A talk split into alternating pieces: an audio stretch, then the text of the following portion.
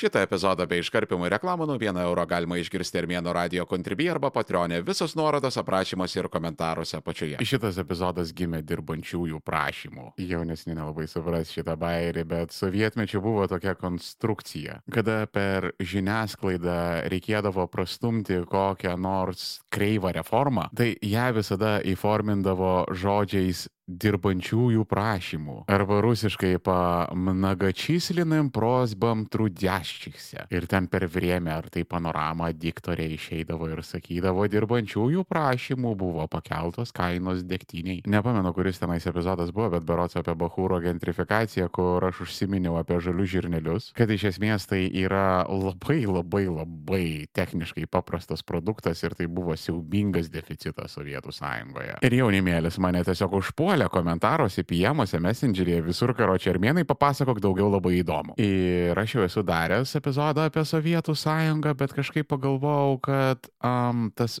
deficito aspektas. O deficitas čia buvo kvintesencinis sovietmečio žodis. Sovietų sąjungoje jisai skambėdavo dažniau negu žodis seniai opijume. Taip kad jaunuoliai jūs pasiruoškit, nes ah, ką aš jums papasakosiu. Patinka kiksmažodžiai? Prenumeruok Armėnas Plus tik už 1 eurą į mėnesį Armėno radio kontribį arba patronį ir klausyk epizodų be reklamų ir iškarpimo visus nuorodas aprašymuose ir komentaruose apačioje. Boomeriams irgi bus kas veikti, nes pasivaikščiosim nostalgišką memory lane. Prisiminsime eilės talonus ir paskiras. Mmm, tie nostalgiški laikai, kada reikalai būdavo sprendžiami nešant servelatus į spalkomus. Aš šiaip gana dažnai jauniems žmonėms pasakoju apie Sovietų sąjungą ir aš pastebiu, kad jie nesupranta vieno esminio dalyko. Ką reiškia deficitas? Kaip suprasti nebuvo prekių? Va taip ir supras tiesiogiai. Suprantat, Sovietų sąjungoje pinigai neturėjo jokios prasmės. Tu galėjai turėti milijoną rublių, bet jų paprasčiausiai nebuvo kur išleisti. Formaliai prekės parduotuvėse buvo. Tu galėjai nueiti ten į kokią nors, nežinau, elektronikos prekių parduotuvę ir pamatyti spalvotus televizorius ir japoniškus magnetofonus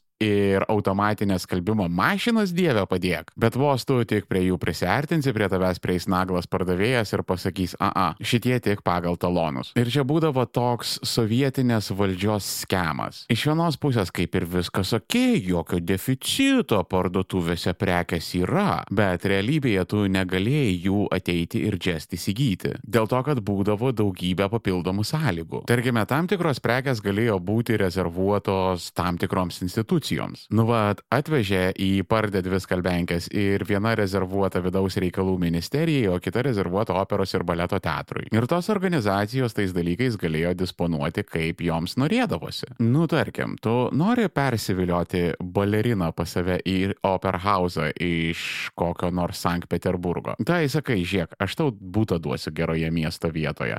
Aš tau duosiu paskirą skalbenkiai, tu galėsi nueiti pardį ir nusipirks skalbenkę. Ir Sovietų sąjungoje viskas taip vykdavo. Tai iš esmės buvo barterinė ekonomika. Nežinau kaip dabar, bet tada buvo populiarus posakis neturėk šimto rublių, bet turėk šimtą draugų. Šiandien tinkamų žmonių pažinojimas sprendžia labai daug problemų, jūs neįsivaizduojate, ką tai reiškia sovietmečių. Anuomet, žinokit, taip ir pristatinėdavo tokius žmonės. Labą dieną susipažinkit, čia armėnas, labai geras žmogus, očin harošai čilavėk rusiškai. Šita frazė būdavo iš karto socialinis signalas. Per daug neišsiduodant tu pasakai, kad šitas čiuvakas pažįsta žmonių, ir jisai gali gauti dalykų. Tai yra prekių ir paslaugų. Barteris buvo tokia neatsiejama sovietinės ekonomikos dalis, kad juo gyvendavo net pramonė. Pavyzdžiui, tavo fabrikui reikėdavo dviejų vagonų cinkuotų kniečių, kad tu galėtum įgyvendinti planą. Nu ten valdžia iš viršaus nuleido nurodymą, kad tau reikia pagaminti šitie kilometrų ortokių, kurioms reikalingos cinkuotos kniedės, bet tų cinkuotų kniedžių niekur nėra. Viskas yra išpirkta ir ne tai, kad išpirkta, bet dar ir rezervuota daugelį, daugelį mėnesių į priekį. O planas dega, reikia kažką daryti. Do kombinato tiekėjas buvo tokia specialybė tiekėjas ir čia turbūt buvo antra svarbiausia pareigybė bet kokioje organizacijoje po vadovo. Tiekėjas buvo tas wheeleris, dealeris, kuris žinodavo, kam ten nunešti kokios tirpios kavos, su ko pašnekėti, su ko paderinti, su kuo patrinti, kad karočią ten tie dalykai atsirastų, ko reikia. Ir tarkim, tiekėjas pasižiūri, kad, o, aš turiu 20 tonų kaučiuko. O, žinau, kad vad koksai nors kaliošų fabrikas Kijeve turi paėmęs tinkuotų kniedžių. Jam jų visiškai nereikia, bet jos tiesiog buvo ir negali žinot, galbūt vėliau bus tai su kuom nors įmanoma į kažką naudingo išmainyti. Tada tiekėjas bleuna į Kijevą ir sako, žiūrėkit, e, jūs turit kniedžių, aš turiu kaučiuko, mums reikia kniedžių, jums kaučiuko, nu, tipo match made in heaven, davai. Ir tai viskas vykdavo Sovietų sąjungoje. Pavyzdžiui, būdavo tokia frazė - išmetė. Išmetė kažką į priekybą. Eidavo į miestą ir matydavo ten, tarkim, eilė prie parduotuvės, tu tiesiog automatiškai tenais eini ir klausi, ką duoda. Jugoslaviškus batus, o jugoslaviški batai gerai stovi eiliai. Kartais užtekdavo, kartais neužtekdavo, bet jeigu tau pasisekė, tavo eilė priejo, tu imdavai, ką gaudavai. Tarkim, tavo dydis būdavo, nežinau, 40, o ten tik tai 45. Bet vis tiek imdavai, nes negali žinot, gal išmainysi kažkam. Čia vad dėl šitų priežasčių paspensus yra visko prikaupta rusiuose ir ant aukšto. Kada pasaulį sunaikins brandolinis karas, tai jį atkurs pensininkai. Ta prasme, boomeriai turi visko, kad galima būtų restartinti civilizaciją. Jau daugiau kaip 30 metų nėra to deficito, bet pas boomerius vad yra tas instinktas kaupti. Jiems yra giliai įsišaknyjusi baime, kad jeigu dabar nepaimsi ir neišsaugosi, tu paprasčiausiai neturėsi. Aš žinau vieną keisą, kur čiavakas buvo nusipirkęs sodo namelį. Jisai neturėjo sodo, jisai stovėjo eiliai sklypo, bet jam atsirado galimybė nusipirkti sodo namelį ir jis jį pasijėmė, išsiardė. Ir nepatikėsit, neturėdamas automobilio, tiesiog per keletą kartų su visuomeniniu transportu jisai jį susivežiojo namo ir susikrovė balkonę. Ir laikė tenais Znait kiek metų. Mano tėvai neturėjo mašinos, bet kažkaip pasitaikė galimybę nusipirkti dvi žygulio padangas. Ir jie jas žinoma nusipirko ir po to laikė po lovoje tos, kur dėčias yra pataliniai. Po šiai dienai aš prisimenu tų padangų gumos kvapą. Ir aš labai gerai suprantu visus jaunus žmonės, kuriems kyla klausimas,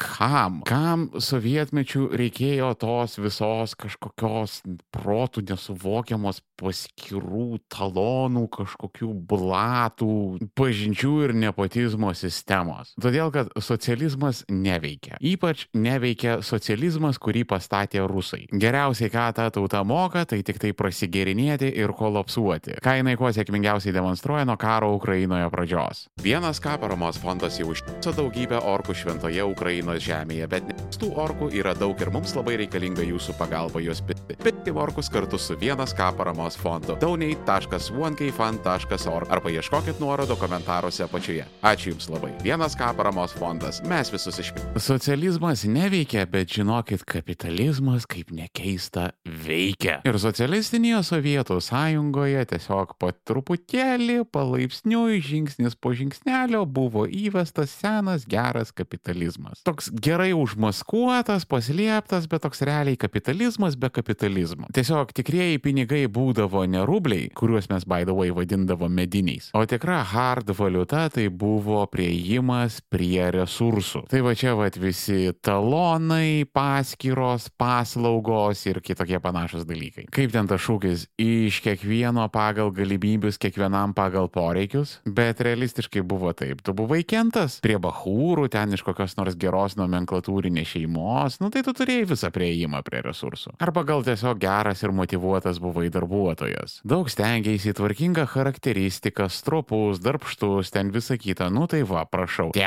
im kelialapį į Jaltą ar ten taloną kokiems nors žaliems žirneliams. Taip atrodė tas toks paralelinis sovietinis kapitalizmas. Bet tame kapitalizme kapitalo nebuvo. Tai buvo mainų barterinis kapitalizmas. Tarkim, korupcija vykdavo kyšiais ir paslaugom. Čia dabar MG Baltikas nešioja dėžutę su degtinė. Tais laikais stambioji korupcija atrodydavo taip, kad pavyzdžiui, kokiam nors komunistiniam funkcionieriui tu pastatydavai dačią, išklijuodavai vonę suomiškomis plytelėmis, suorganizuodavai paskirą rumuniškam virtuvės kampui. Ne virtuvės, o virtuvės, sovietmečiu mes tik tai virtuvės turėdavom. Jaunimas, jūs nelabai galite įsivaizduoti, kokia buvo skurdi Sovietų sąjungos materialinė kultūra. Pavyzdžiui, žinot, koksai būdavo labai populiarus suvenyras atsivežti iš kapitalistinių vakarų. Nes net ir sovietmečių už geležinės uždangos būdavo, kad žmonės kažkaip kažkokiu būdu gaudavo tą galimybę išvažiuoti į vakarus. Ne visam laikui ir su labai dideliais apribojimais, iš pradžiai ten tave turėjo labai smarkiai patikrinti, kad tu ten esi lojalus ir nepabėgsi. Prie tų delegacijų visada, visada, visada visais atvejais būdavo pristrojinti žmonės iš KGB, kurie labai akilai stebėdavo, ką jūs darot, kur jūs būnat, su kuo jūs kontaktuojat. Nedaug dievė jūs kas nors užverbuos ir jūs ten pradėsite dalintis kokiam nors paslaptim iš Sovietų sąjungos. Nu, bet anyway, būdavo, žmonėms nuskildavo ir jie išvažiuodavo. Ir galite įsivaizduoti, kokie būdavo populiariausi suvenyrai iš tenais parsivežti. Parduotuvių akcijų leidiniai. Va tie patys, kur prie įėjimo visose maksimuose sudėti. Tie, kur jūsų močiutė skaito, o po to tiesia į Katino kraiko dėžutę. Va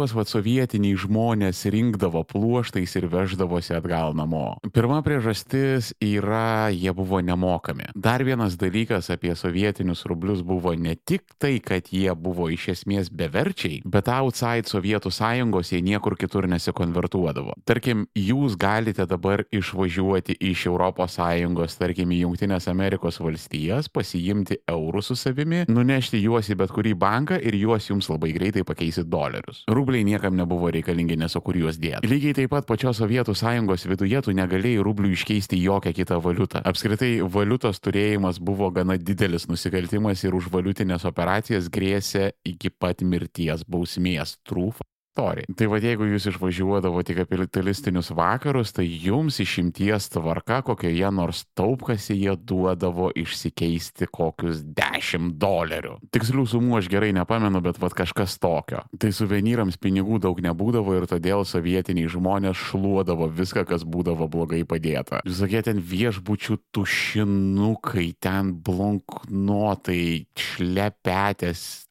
rankšluoščiai iš numerių. Tie visi marmelado, sviesto, cukraus paketėliai nuo pusryčių stalo. Muiliukai, šampuniukai, vienkartinės dušo kepurėlės, vad viskas eidavo į suvenyrus. Antras dalykas, dėl ko kotiruodavosi tie visi leidiniai ir katalogai, tai juose tu galėjai pamatyti kapitalistinę prabangą. Nu kaip mums tai atrodė kaip kapitalistinė prabanga, o ten buvo just middle class paprastų žmonių dalykai. Ir aš pamenu, pas tėvus iš kažkur buvo ne Ackerman katalogas. Tai čia iš esmės toks popierinis Amazonas, kada tokioj dideliai storoj knygoj, tokiam talmudė būdavo sulistintos prekes, tu jas išsirinkdavai ir arba tu galėdavai paskambinti tam tikrų telefonų ir ten susakyti kodus, pasakyti savo adresą ir tau jas atveždavo. Arba katalogo pabaigoje būdavo tokie specialūs lapai, kur tu ten susirašydavai savo prekes, savo detalės, išsikirpdavai, išsiųsdavai ten duotų adresų, tau jas atsiųsdavo, tu laiškininkui tada sumokėdavai pinigus pinigus ir gaudavai prekes. Again, toks analoginis Amazonas. Tai va, pas tėvus tas buvo Nekerman katalogas nužiūrėtas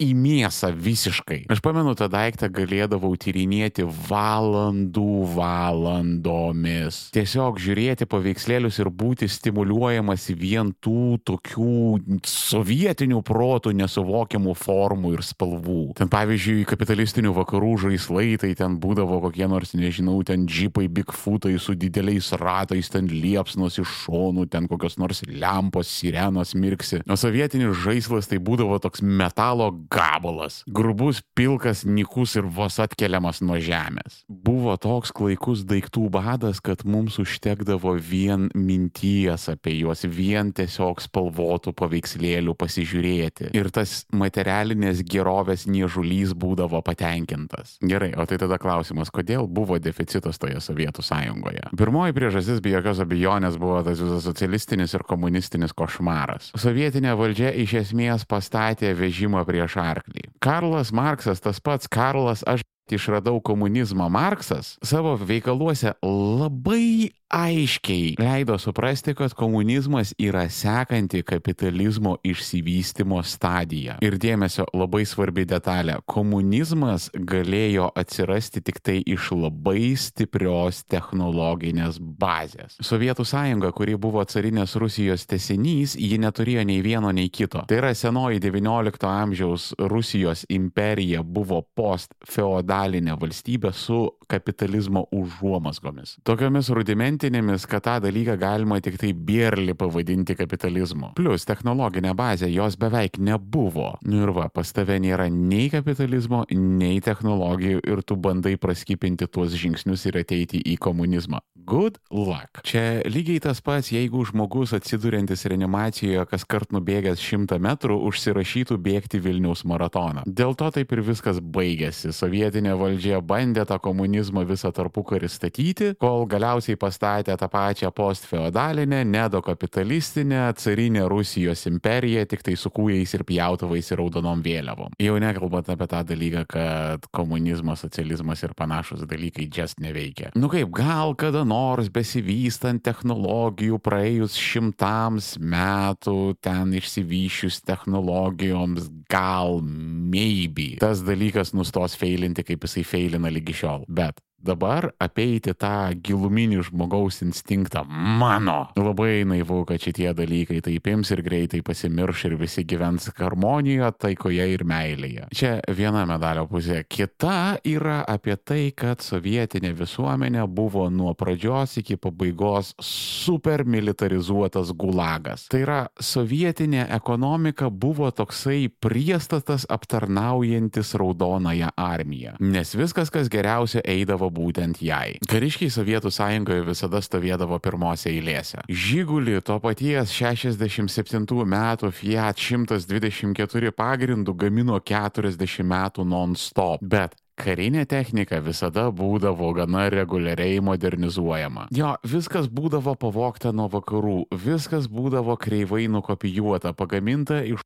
tų pagalių izolacijos ir tualetinio popieriaus. Bet karo pramonė buvo ta vieta, kurioje buvo nors kažkokia minimali gyvybė. Ir vad visa ta pridėtinė vertė, visas tas ekonominis produktivumas, kurį kūrė kolektyviai sovietiniai žmonės, tai yra kai kurie iš jūsų, kas ten esate vyresni, jūsų tėvai, jūsų seneliai, visų jų kūriamas bendras vidaus produktas, jisai didžiaja dalimi eidavo karo reikmėms. Čia dabar Rusijai labai smarkiai klimstant Ukrainos kare mes matom tuos tankus, tą visą artileriją, tuos surūdyjusius kalašnikovus traukiamus iš sandėlių 60s, 70s vintažo. Ta regis nesibaigianti vintažinė sovietinė karinė technika, tai yra visa sovietinių žmonių materialinė gerovė. Mes neturėjom automobilių, džinsai buvo prabanga, mes atrodėm kaip bomžai, mes smirdėjom, mes gyvenom komunalkėse, mes negalėjom išvažiuoti į užsienį, kostiumus nešiodavo trys kartos šeimos vyrų, bet užtat kiek pas mus daug tankų. Tarkim, vatnikai ir sovietžmogiai labai su tokia šilta nostalgija prisimena Brėžnevo laikus. Kodėl? Nes 70s pasaulyje lygiai kaip ir dabar buvo nutikusi naftos krizė. O Sovietų sąjungoje šiaurėje staiga atranda milžiniškus naftos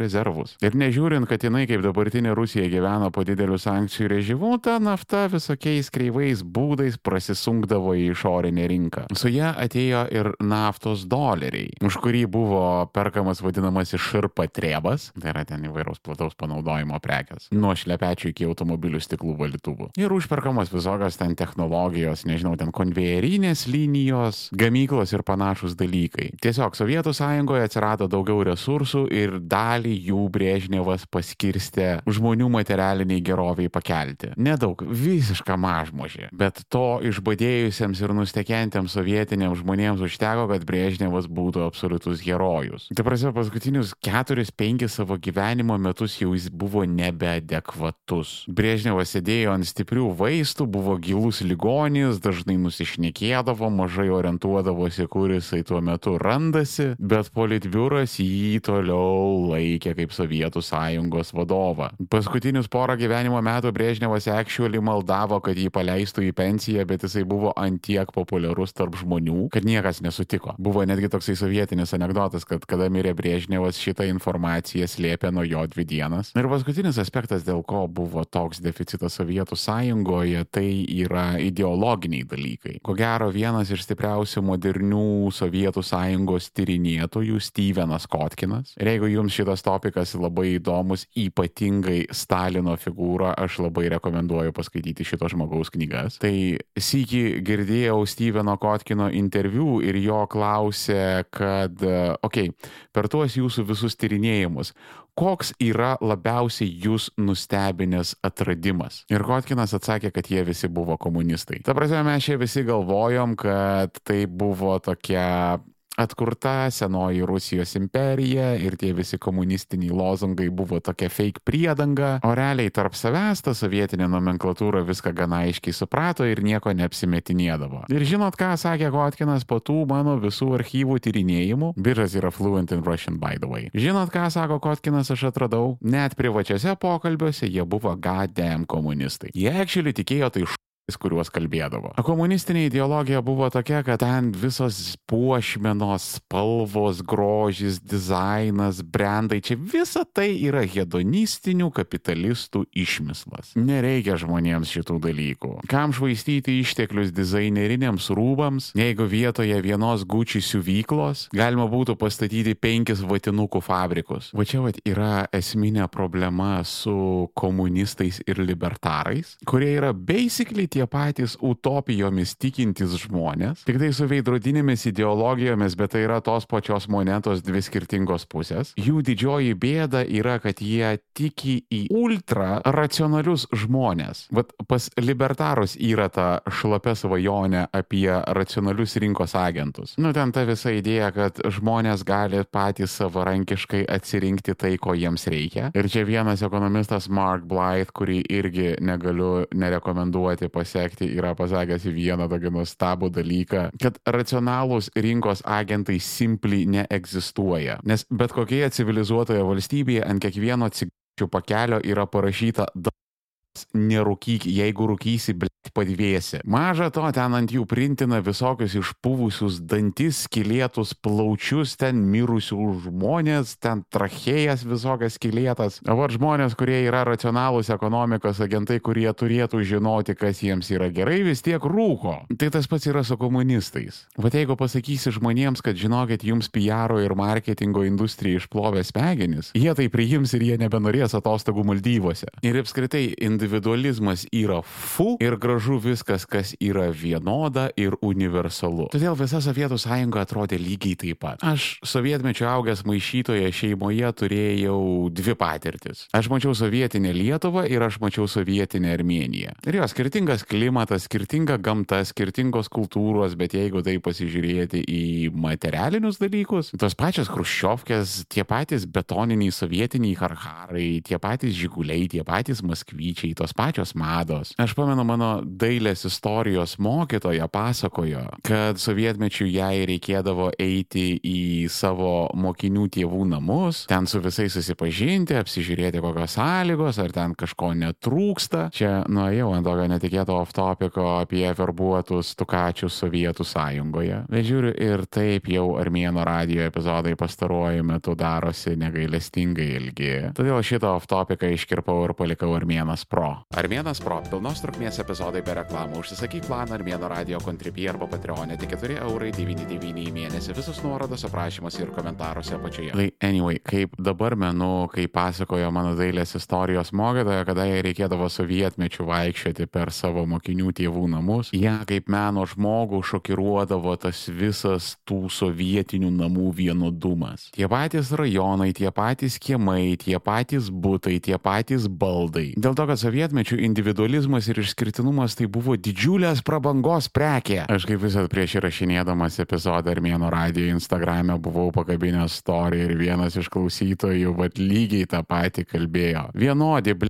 baldai vienodos sekcijos, viskas vienodai. Ir labai taikliai čiavakas pastebėjo, kad gavę žmonės taloną tam džiaugdavosi kaip žalią kortą nurovę. Ir aš labai gerai atsimenu, kada žlugo Sovietų sąjunga, tie visi ankstyvieji 90-ieji, jie buvo tokie spalvingi, tokie ryškus, tokie ekstravagantiški. Tie banditai raudonais kostiumais, tos jų leopardinės moterys su tais cheminiais, tie visi akis graužintis raštai, ornamentai ir nekrikščioniški spalvų deriniai. Nes žmonėms reikėjo išveikti tą visą opresyvų pilką vienu godumą, kuriame jie šitiek dešimtmečių buvo priversti gyventi. Dėl to vakarų Europą ir ypatingai šiaurėje mus taip sunkiai supranta visus vargšus postsovietinius žmonės. Kodėl mes gyvendami bendrabutyje bėgam pirkti jaguarų? Kodėl mes vos išgalėdami įpirkti dienos pietų studentiškose valgyklose nešiojame Dior drabužius? Kodėl nusipirkę kotežus mes viduje įsirengėme lūvrus iš putoplasto ir AliExpreso lempučių? Todėl, kad mes to paprasčiausiai neturėjom. Mes tik dabar prieartėję prie 40 metų nepriklausomybės, tik dabar pradedam atsivalgyti šitų dalykų. Tik dabar mes ateiname į protą, koks krinžas yra kolūkinis barokas. Tik dabar susivokėme, kad prabangos automobilis nėra kažkoks statuso simbolis, o socialinis signalas, kad A arba tu nemoki valdyti savo finansų, B pas tave nėra savivertės ir tapatybės ir šituos dalykus atstoja prabangi mašina, C tu esi žemos kilmės kaimo kaziolašų skulnimis. Visas tas elgesys yra ilgų dešimtmečių gyvenimo brutaliame deficite rezultatas. Tai yra kartų trauma, kuri ačiū Dievui po truputį išsiveikinėja. O kitą kartą apie traumas, bet šiek tiek iš kitokio rakurso. Šiandien tu negali atsidaryti nei vienos socialinės medijos, kad tau kažkas kažko nečiešintų ir neselintų. Jeigu šitas epizodas buvo Sovietų sąjungos epizodo tesinys, tai ateinantis bus follow-upus apie influencerių epizodą epizodą. Tai ateinantis bus influencerių epizodo follow-upas - skemo industrija. Kita kartą per Armėno radiją. Jeigu nenori laukti ištisos savaitės epizodas, jau guli Armėno radio kontribį arba Patreonė prenumeruok Armėnas Pro ir klausyk visų epizodų iš anksto viso labo 4,99€ į mėnesį visos nuorodos aprašymuose ir komentaruose apačioje. Kur dar internete būna Armėnas, ieškokit manęs link 3 lešas Armėnas, viskas vienoje vietoje arba žiūrėkit aprašymuose ir komentaruose apačioje. Jeigu esate tikri Armėno kentai, laikinat, šėrinat, komentuojat, subscribinat ir rekomenduojat visiems. O šiandien tiek. Iki kito.